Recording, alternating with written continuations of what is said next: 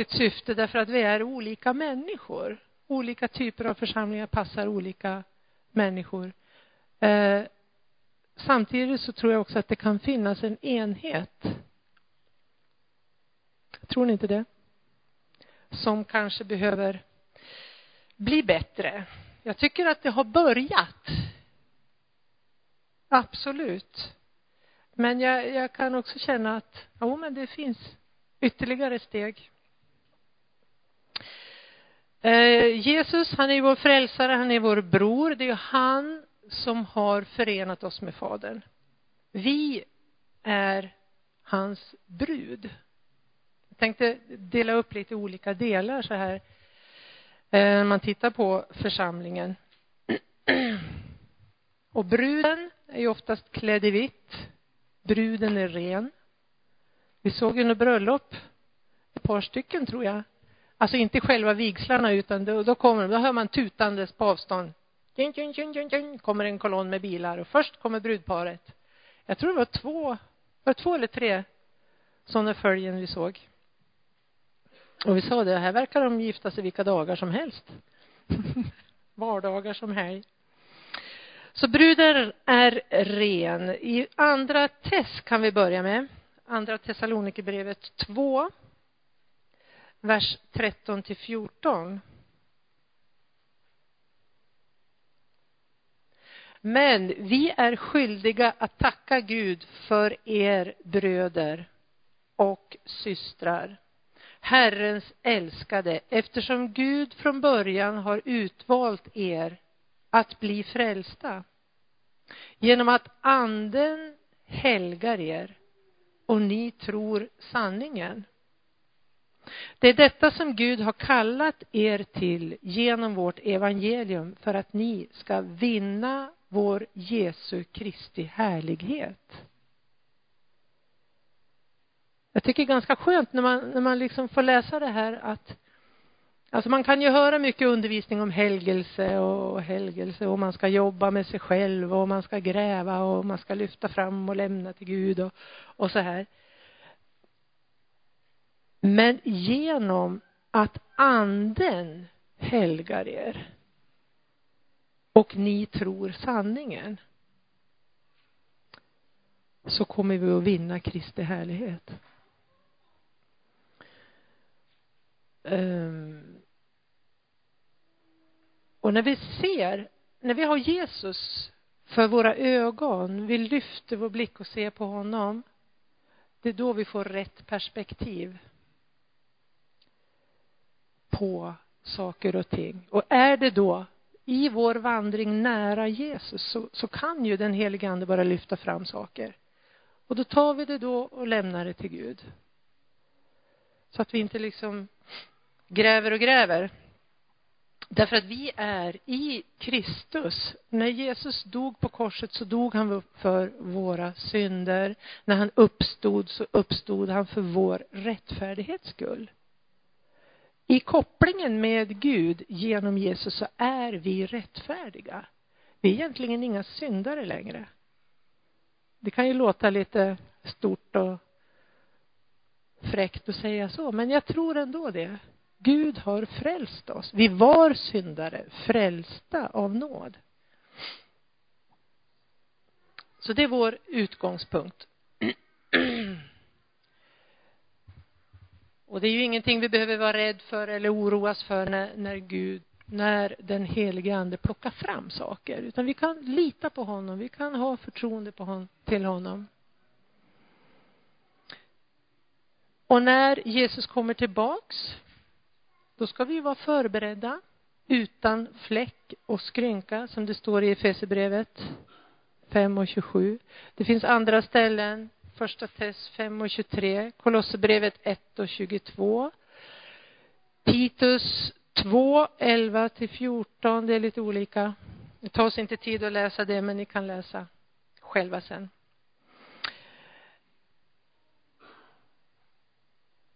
I Filipperbrevet 2 13 till 15 så står det Ty Gud är den som verkar i er, både vilja och gärning, för att hans goda vilja ska ske.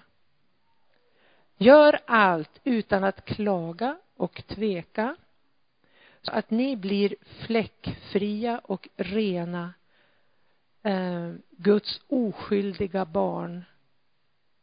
Visst låter det härligt? Ibland när man, när man eh, hör folk pratar om det här med rättfärdig. Jo, jo, men det blir vi ju när vi kommer till himlen. Då. Vi är ju syndare här så länge vi går på jorden. Men fortsätter man den här versen, då står det så här. Ni blir fläckfria och rena, Guds oskyldiga barn, mitt ibland ett falskt och fördärvat släkte, bland vilka ni lyser som stjärnor i världen. Så det är här och nu. Här och nu ska vi vara Guds ljus. Församlingen kommer att se om man nu tittar på, när jag pratar om församling så säger jag då hela Östersund. Det kan vara lite olika lägen i olika församlingar. Och ingen är perfekt, inte ens vi är perfekt. Så vi kommer att se och återspegla Guds härlighet. Och vad leder, till, leder det till? Att vi återspeglar Guds härlighet? Jo, att människor som idag inte tror kommer att ha lättare att komma till ro. Därför det ber Jesus i sin bön i Johannes 17. Han ber att vi alla ska vara ett. Och det är ett av de starkaste tecknen som övertygar människor. Och då, som sagt var, det betyder ju inte att vi ska slå ihop alla församlingar. Jag tror inte på det. Men däremot så finns det en enhet. Det finns ju också exempel i Gamla testamentet eh, när till exempel Hiskia renade Herrens hus. Det står i andra krönikeboken 29, det kan ni också läsa själva. Eh, David, salmisten, skriver i Saltaren 16, 8 till 11. Där skriver han om effekten av att vara i Herrens närhet. Jag har alltid haft Herren för ögonen. Han är på min högra sida, jag ska inte vackla. Därför gläder sig mitt hjärta, alltså min ande, och jublar min ära, som är min själ. Också min kropp får bo i trygghet. Alltså att vandra med Gud, det berör ande, själ och kropp. Hela oss. Ty du ska inte lämna min själ åt dödsriket, du ska inte låta den fromme se förgängelsen. Du lär mig livets väg, inför ditt ansikte mättas jag av glädje, av ljuvlighet på din högra sida för evigt. Och vårt mål med att vandra nära Gud, att bli helgade, att bli renade, det är ju att återspegla hans närvaro. Eh, och i mitt privata liv, då kan jag ju se det hemma, på jobbet, bland grannarna, i församlingen, när vi söker Gud, när vi tar allvarligt på att vara Jesu efterföljare, så ser vi honom mitt i församlingen starkare och starkare. Och vi har ju pratat länge om att vi, och vi ber att det ska vara en helande flod mitt i församlingen, direkt från tronen. Och jag tror på det. Men vi har inte kommit dit än. Men det kommer. Jag är helt övertygad om det. Och att människor som kommer hit ska liksom falla ner och bara uppleva Guds starka närvaro och hans kärlek. Det ber vi om. Vi har sett lite av det, men vi kan se mer. Och när vi som församlingar i Östersund och hela det här området, alltså Jämtland, när vi är och blir renade och enade, då kommer Gud med sin dom över stan. När församlingen lyser så starkt så allt mörker avslöjas. Orättfärdighet och ondska stoppas, Vi ser ju mer och mer hur det sker olika brott och våldshandlingar. Det är dags för oss som församling att bli enade och tillsammans stå upp och visa på Guds ljus. Eh, och städer och orter, alltså Östersund och orterna runt omkring, helas genom hans närvaro. Det är underbart. Eh, vi kan läsa från Malaki 3, 1 till 5. Se, jag ska sända min budbärare och han skall bereda vägen för mig. Och den Herre som ni söker ska plötsligt komma till sitt tempel. Förbundets ängel som ni längtar efter, se han kommer, säger Herren Sebaot. Men vem kan uthärda den dag då han kommer och vem kan bestå när han uppenbarar sig? Ty han är som en guldsmeds eld och som en tvättares såpa. Likt en guldsmed ska han sätta sig ner och rena silvret. Han ska rena Levis söner, luttra dem som guld och silver, så att de kan bära fram Herren, åt Herren en offergåva i rättfärdighet. Då skall offergåvorna från Juda och Jerusalem behaga Herren som i forna dagar och gångna år. Jag ska komma till er och hålla dom. Jag ska snabbt träda upp som vittne mot trollkarlar och äktenskapsbrytare, mot dem som svär falskt, mot dem som undanhåller arbetaren hans lön och förtrycker änkan och den faderlöse, mot dem som vränger rätten för främlingen och inte fruktar mig, säger Herren Sebaot. Alltså Östersund och Jämtland. Det finns hopp. Det finns hopp. Och det är det här som händer när vi som församlingar blir enade. Eh, jag bad Dana berätta lite grann hur de jobbar därför att på den här festen så eh, satt Ann-Kristin och pratade med en kvinna från Amerika. Och eh, när jag kom dit så berättade hon också då att de har ett nätverk där man, det finns alltså 25 församlingar i Tirana och man har ett nätverk där man samarbetar. Alltså varje församling har ju sitt liv, men man har ett nätverk. Så till exempel när det är konferenser, då tar man det gemensamt. När det är fasteperioder, då fastar man tillsammans och man ber. Och jag tänkte, ja men här, eh, jag tycker de är i mång, mångt och mycket exempel för oss. Inte bara det här arbetet med, med barnhemmet och alla, allting som de får ifrån Gud och som de gör, utan även när det gäller församlingarna i, nu är det i Tirana då. Mm. Och jag tror att när man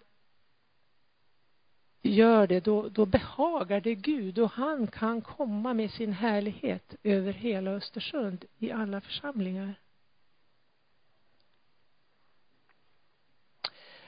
Mm. Att bygga Herrens hus. Det, kan, det innefattar ju mycket. Det är ju det här när vi kommer till Gud med våra skräpgrejer. Då lyfter han oss och då bygger han oss. Eh, det kan också vara det här att man, när man kommer till Gud och så när man ber så är det hela tiden utifrån mig och vad jag behöver. Ja, Gud, nu ser du den här situationen. Du vet att jag tycker det här är jobbigt. Och, och det är klart att Gud vet det. Men om det hela tiden cirklar kring mig, då blir det ju så begränsat. Och jag tror att Gud kan kräva offer. Inte bara pengar, utan mitt hjärta. När jag offrar mitt hjärta till honom, det kan vara att det kostar. Och det finns ett pris, tror jag, för oss att betala för att till fullo ta del av hans välsignelser. Inte för att vi ska kämpa nu och göra en massa bra saker för att duga. Det handlar inte om det. Utan det handlar om vårt hjärta.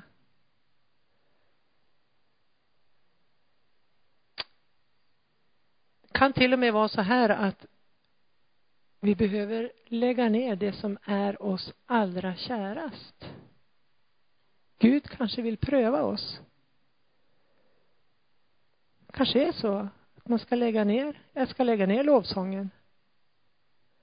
kanske är så att du ska lägga det i församlingen. Alltså det här betyder inte att man slutar. Utan det handlar om hjärtat. Återigen, det handlar om mitt hjärta. Vad har jag i mitt hjärta i det jag gör? Förstår ni? Ett exempel som vi har det är ju Abraham. Det har ni läst många gånger men vi ska ta och läsa det ändå. Han längtade ju så efter att få en son och Gud lovade honom en son. Och när han fick Isak så var ju det det allra käraste han hade. Och så kommer Gud en dag och säger nu vill jag att du offrar Isak åt mig. Ganska hårt va? I första Mosebok 22, 1 till 14 kan vi läsa. En tid därefter satte Gud Abraham på prov. Han sa till honom, Abraham, han svarade, ja, här är jag. Då sa Gud, jag tänkte det, när, när Abraham svarade, då, då var det så här, åh, nu kommer Gud att prata med mig, nu, nu har han någonting åt mig. Och så säger Gud, ta din son Isak, din enda son, som du älskar och gå till Moria land och offra honom där som ett brännoffer på ett berg som jag ska visa dig. Ni kan ju tänka er. Vad, vilka tankar kom upp i Abraham? Och vilka känslor rördes om? Tidigt nästa morgon sadlade Abraham sin åsna och tog med sig två av sina tjänare och sin son Isak. Sedan han huggit ved till brännoffret gav han sig iväg mot den plats som Gud hade sagt åt honom att gå till. Och nästa vers så står det så här, när Abraham på tredje dagen lyfte blicken. Vad hade han gjort innan då? Var det så att han gick så här? Och hade en kamp med Gud. Och kämpar man, har man en kamp med Gud, då kanske det inte är så lätt att liksom bara stå så här. Det kan vara så. Att han gick och, och hade en diskussion med Gud, det vet vi inte. Men om vi liksom går till oss själva så skulle han kanske ha gjort det. När Abraham på tredje dagen lyfte blicken fick han se platsen på avstånd. Han sa då till sin tjänare, stanna här med åsnan, jag och pojken går dit bort för att tillbe och sen kommer vi tillbaka till er. Jag tänkte på, de gick i tre dagar. Det finns säkert mycket symbolik i det här. Det skulle vara intressant att höra en jude undervisa utifrån det här. Jag tänker på Motti Klimer som var här. Han hade ju en helt annan synvinkel på saker och ting än vad vi har.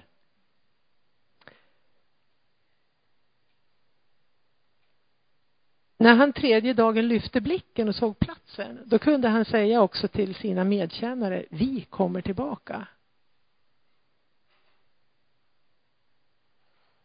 Så han eh, förstod nog kanske vartåt det lutade, men ändå liksom. Att bara gå hela vägen, det är starkt. Abraham tog veden till brännoffret och lade den på sin son Isak. Men själv tog han elden och kniven och de gick båda tillsammans. Isak sa till sin far Abraham, far, han svarade, Ja, min son. Han sa, vi har eld och ved, men var är lammet till brännoffret? Abraham svarade, Gud kommer att utse åt sig lammet till brännoffret, min son. Så fortsatte de vandringen tillsammans. När de kommer fram till den plats som Gud hade sagt till Abraham byggde han ett altare där och gjorde i ordning veden. Sedan band han sin son Isak och la honom på altaret ovanpå veden. Och då kan man ju tänka sig, vad tänkte Isak då? Och var, var det lätt? Gjorde han motstånd? Vi vet inte. Men man kan ju fantisera lite. Och Abraham räckte ut handen och tog kniven för att slakta sin son. Så långt gick han. Då ropade Herrens ängel till honom från himlen. Abraham, Abraham. Han svarade, här är jag. Då sa ängeln, lyft inte din hand mot pojken och gör honom ingenting. Nu vet jag att du fruktar Gud då du inte ens har undanhållit mig, din enda son.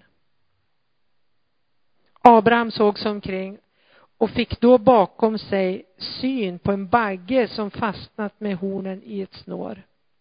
Abraham gick dit och tog baggen och offrade den till brännoffer istället för sin son. Och Abraham kallade platsen för Herren förser. Idag säger man berget där Herren förser. Det, det är en ganska häftig berättelse det här. Man tycker, vi tycker att vi liksom offrar, ja men nu, jag har ju lagt ner det här, snälla någon. Men det krävs nog kanske lite mer. Återigen, inte för att duga inför Gud, utan för att han ska få full tillgång till våra hjärtan. Verserna senare visar ju på att Herren välsignade Abraham på ett enormt sätt, på sitt sätt. Alltså Gud är obegränsad. Det finns ingen begränsning i honom. Och när han välsignar Abraham så var det ju så att han hade en son, men han fick en efterkomma i antal med stjärnorna på himlen, sanden på havets strand. Alltså det, det, det går inte att räkna. När vi var i Albanien nu så badade vi på ett par olika stränder där det var mera som grus och sten upp till den här storleken. Och bara det hade ju räckt. Om det var sånt antal. Men sandkornen alltså. Gud är obegränsad. Och i våra hjärtan måste ha samma hjärta som Abraham. Han var fylld av tillbedjan och trohet. Och det var ju den relationen han hade med Gud. Vi måste vara villiga att ge Gud det som är oss kärast. Så att inte det som är oss kärast, det vi tjänar Gud med, blir det viktiga. Så att vi har rätt motiv.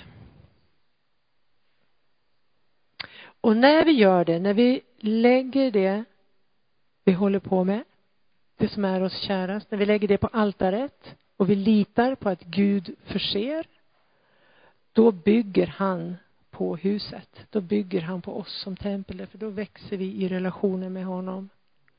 Han utser.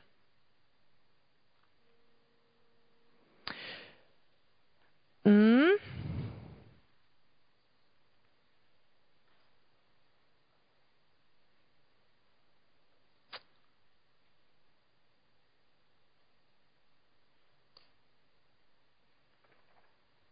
Det finns en annan del också i det här som jag vet att David har predikat om förut. Och det är trovärdighet.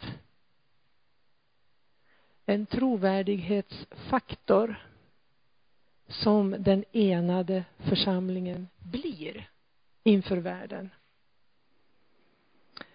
Och det var ju så här att Jesus, han kom, han uppenbarades för att tillintetgöra djävulens verk. Och hur gör vi då när vi förgör djävulens verk?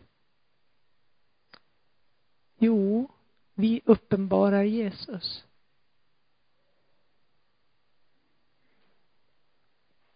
Han vann en evig seger, det, hade, det hörde vi när Pirjo inledde här. Han har vunnit segern.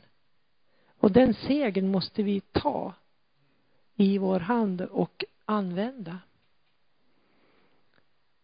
Andlig krigföring, det är jätteviktigt. Och då har vi den här positionen.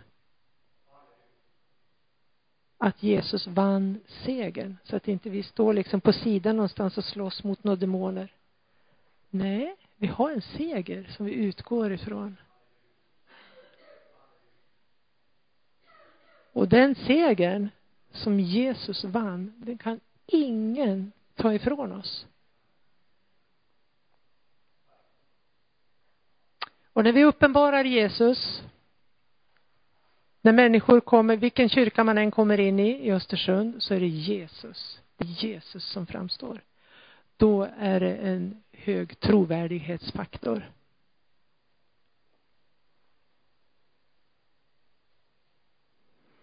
I första Korinthierbrevet 1, 10-13 så står det i vår Herre Jesu Kristi namn uppmanar jag er bröder att alla var eniga i det ni säger och inte låta stridigheter förekomma ibland er, utan vara fullkomligt enade i samma uppfattning och samma mening.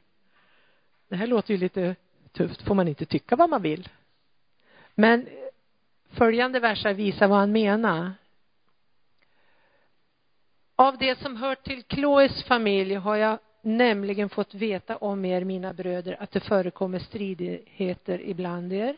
Vad jag menar är att ni var och en på sitt håll säger, jag håller mig till Apollos, Apollos eller jag håller mig till Kefas eller jag håller mig till, Jesus, till Kristus.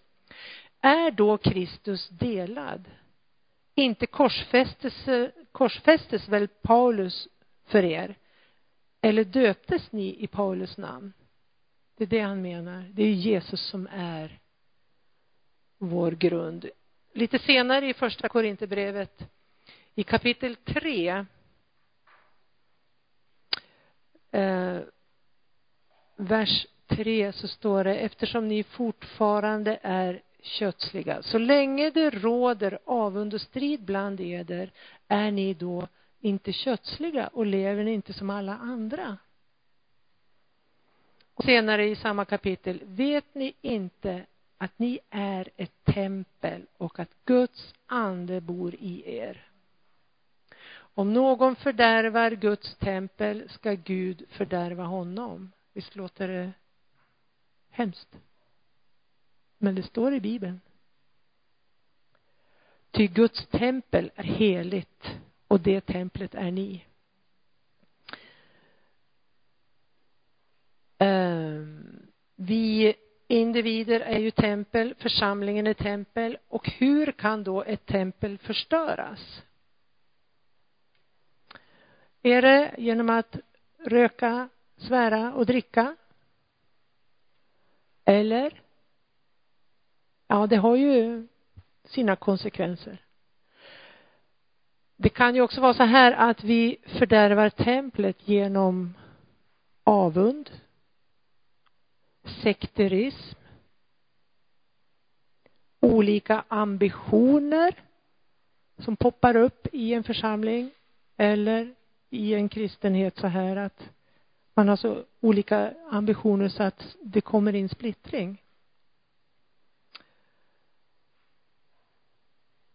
Eh, och så när jag läste det här så tänkte jag, hur har vi det hemma i våra stugor?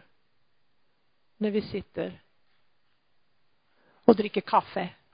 Vad pratar vi om? Hur pratar vi? Och när jag uttalar mig om andra personer, det här gäller lika mycket mig som vem som helst, tror jag. När jag uttalar mig om andra personer och andra församlingar i dömande ordalag och en dömande attityd. Vilken rätt? I vilken rätt gör jag det? Har jag rätt att göra det? Och det är ju så att vi rätt vad det är så finner vi oss själva att vi sitter och pratar. Då får vi bara ta vårt sinne till fånga, ta vår mening till fånga och backa.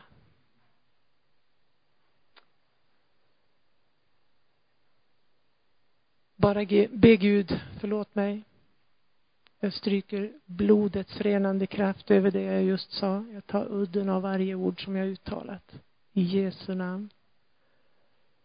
Vi kan ju, jag menar Gud han skapar ju människan till sin avbild. Och så läser man i början av Mose, första Mosebok att Gud sa det och det vart. Har han skapat oss till sin avbild, då kan det ju vara så att vi säger och det blir. Så att det, Gud visar oss när vi trampar snett. Och är det så att vi ser saker hos andra, vad är vår uppgift då? då? Be och välsigna och tala gott. Be om upprättande, be om välsignelse över dem. Det här är ju saker som vi vet. Jag ville bara påminna oss. Eh, Paulus, han eh, kände lite oro. I andra Korinthierbrevet 12 så, så kan vi läsa att Paulus han var orolig över att finna församlingen i stridigheter, i avund, i vredesbrott, själviskhet, för, förtal, skvaller, högmod, oordning med mera. Och det är nog så att vi är ganska omedvetna om hur det ser ut idag i Guds församling, i kristenheten. Att det kan finnas saker som inte behagar Gud. Och det borde, vi borde ta in det som en sorg i våra hjärtan över det status som vi befinner oss i. Jag menar eftersom jag menar vi är inte framme. Vi kan ju aldrig liksom slå oss till ro och känna att ja men nu, vi är så bra så nu behöver vi inte göra något mer. Jag tror vi hela tiden behöver beakta hur läget är. En sorg som behöver finnas i våra hjärtan. Det finns ett fördärvat tillstånd i Kristi kropp i församlingen. Vi har underlåtit oss att sörja över det och inte förstått hur illa ställt det kan vara. Vi har församlingen, men har vi Guds kraft fullt ut? Församlingen, vi pratar återigen om Östersund och även våran. Så att vi liksom har det perspektivet. Ehm, vi ber ju och vi längtar ju efter att hans kraft ska flöda. Att hans helande kraft, hans frälsande kraft, hans upprättande kraft. Och vi ber och vi liksom sträcker oss mot det. Och jag tror att vi kommer att se mer och mer av det.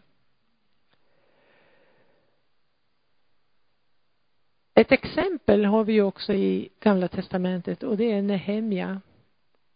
När han var och tjänade kungen på annat håll så fick han höra hur illa ställt det var hemma med muren. Och han grät och han bad och han vart riktigt sorgsen. För han tog in det som en börda i sitt hjärta.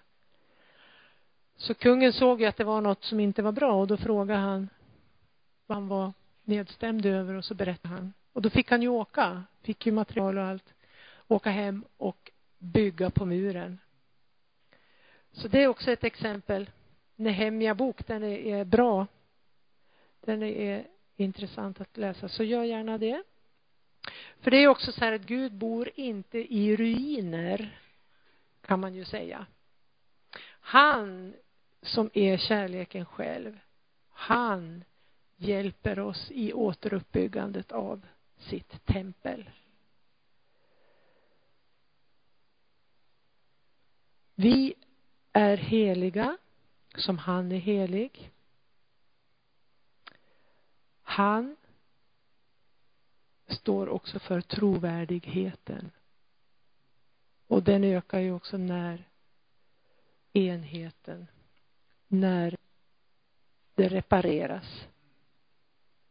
Jag kommer att tänka på den här eh, Robert Slärdon som när han var i Uppsala för många, många år sedan så predikade han över Guds generaler, en serie. Eh, och då tog han ju fram olika Guds tjänare förr i tiden och, och så här. Vad var det som gjorde att de höll hela vägen? Vissa kom ju och, och så är det ju idag också. Det kommer fram stora män som är väldigt använda av Gud och så puff så är de borta. Karaktären pratar han om och det tror jag också på. Att vi har en Guds karaktär, att vi har en renhet, vi har en överlåtelse. Mm, det kanske känns lite tungt att höra det här. Eh, men om vi har rätta hjärtan, det är det jag tycker att det handlar om, så kommer vi att lära känna sanningen och sanningen gör oss fria. Ehm, vi får söka Herren. Och när Gud visar oss så tar vi tur med det. Och det här är ju också när man, när man tittar på kristenheten och man säger nu ska vi söka Herren för enhet, då är det inte enbart pastorernas uppgift.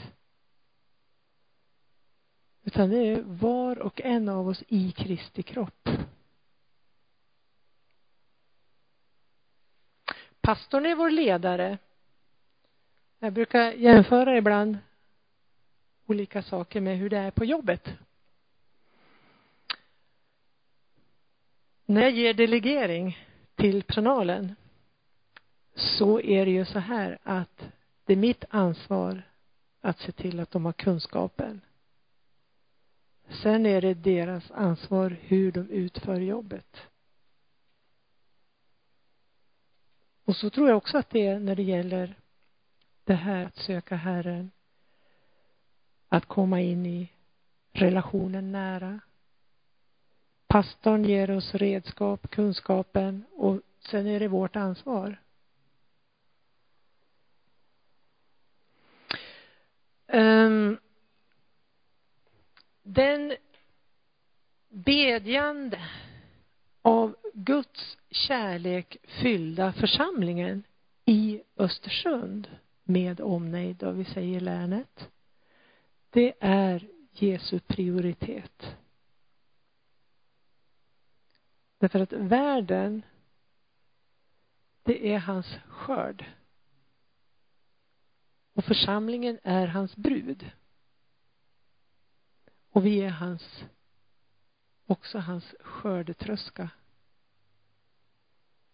I hans sista bön innan korsfästelsen, då var ju temat kärleken till församlingen och att de, alltså vi då, ska vara ett. Om vi inte är enade kommer världen att ha svårare att komma till tro. Och jag kan också tänka på människor som har varit med om saker som idag inte går med Gud därför att de vet hur det är. De har haft en dålig erfarenhet av församling, av kristna. Här behövs det mycket upprättelse. Så att sår får läkas och att vi kan visa på att det är inte som det kanske har varit. Vi är fyllda med Guds kärlek. I Johannes 17 så ber Jesus, jag ska läsa bara några verser där. Men inte bara för dem ber jag utan också för dem som genom deras ord kommer att tro på mig. Jag ber att de alla må vara ett och att så som du fader är i mig och jag är i dig också det ska vara i oss för att världen ska tro att du har sänt mig. Den härlighet som du har gett mig har jag gett dem för att de ska vara ett, liksom vi är ett. Jag i dem och du i mig, för att de ska vara fullkomligt förenade till ett. Då ska världen förstå att du har sänt mig och har älskat dem så som du har älskat mig. Och målet då med det här det är ju att vi ska uppenbara Kristi fullhet.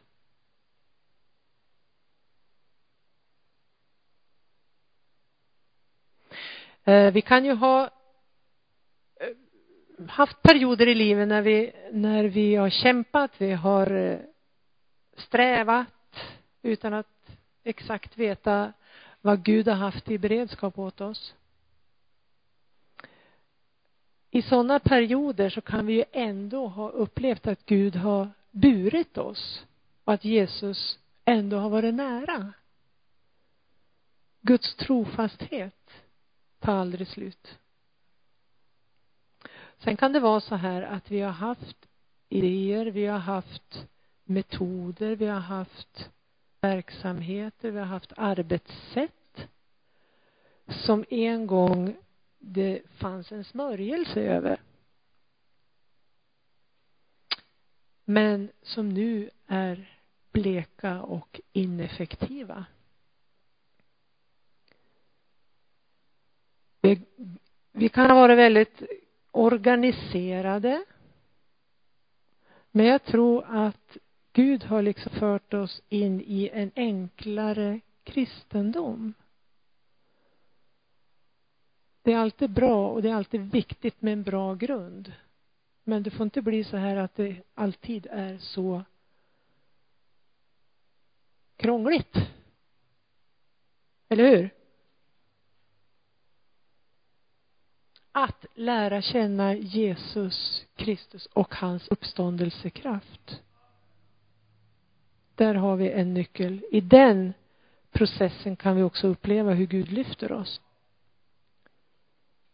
Eftersom det är hans verk. Det är han som bygger på huset. Och när vi går igenom den här mangeln som vi kan uppleva ibland så är det en sak som står kvar.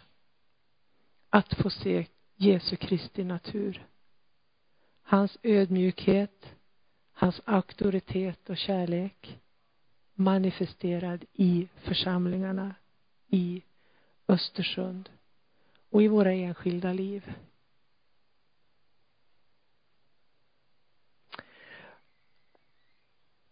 Jag tänkte på det är ju eh, några gånger som vi har fått ordet till den här församlingen att vi är en spjutspets. Kommer ni ihåg det? Om vi går in och verkligen allvarligt ber Gud om det här, då kanske vi kan vara en spjutspets i Östersund. Och att enheten kommer ännu mer. Jag har redan börjat. Men det blir, jag tror att det är nödvändigt att, att för den kommande väckelsen att vi är enade.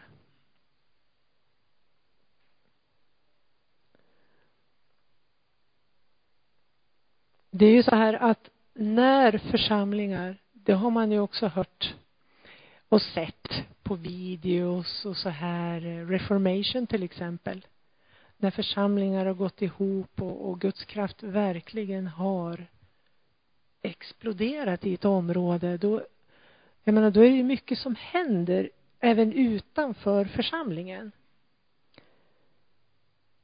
Det kan vara demoniska fästen som upplöses och krossas. Demonisk påverkan bara försvinner bort. Herrens härlighet blir synlig för alla, även för de som inte idag tror, de som lever utan Gud och utan hopp i världen. Sanningen och kärleken segrar eftersom Gud är sanning och kärlek.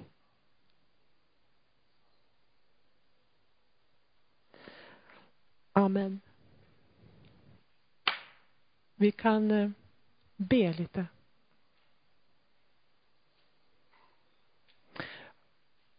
Fader, jag bara tackar dig för den här gudstjänsten, Fader. Jag tackar dig för ditt ord. Jag tackar dig, Fader, för att du har någonting nytt för Östersund. Du har någonting starkt som du vill komma med över den här staden, Fader. Och jag ber för att vi verkligen ska ta vara på ditt ord och, och arbeta in det i våra hjärtan så att utifrån våra hjärtan har vi en sån tillit till dig och en sån överlåtelse till dig Fader så att varje pris vi behöver betala, vad den kostar, så är det inte svårt för oss. Utan vi, vi lägger allt inför dig Gud och vi bara förväntar oss att från dig kommer kraften, kommer väckelsen, kommer rörelsen över vår stad och vårt län när människor söker dig, när människor förstår att jag kan inte leva längre utan Gud och utan Jesus. I en mörk tid som vi lever i, Fader, så, så förstår vi att det enda som till slut hjälper och kan rädda, det är frälsningen, det är att komma till dig, Fader. Och jag ber Gud att när din härlighet kommer och den ska komma starkt över vårt område, så ska människor kunna se.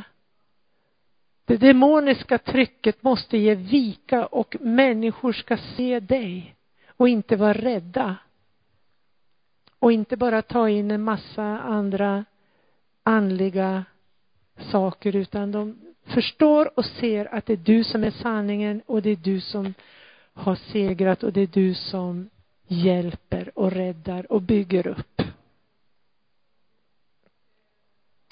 I Jesu namn. Fader, jag bara tackar dig Fader för var och en av oss. Jag tackar dig Fader för att just nu i den här gudstjänsten så representerar vi olika församlingar på olika håll.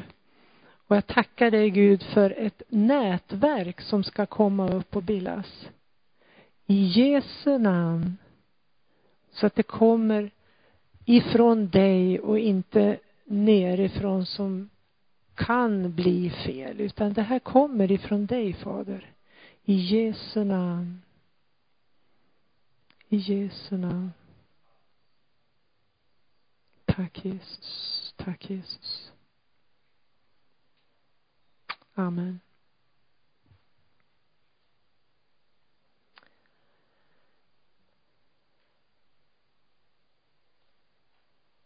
Mm. Vi brukar ju alltid ge tillfällen i våra gudstjänster till förbön. Du kanske sitter här som känner att, ja men, oj, oj, oj. Det här behöver jag hjälp med. Jag skulle vilja ha hjälp att ni ber för det här. Så om du vill och kan så får du väldigt gärna komma fram. Så kan vi be för dig. Ska vi sjunga?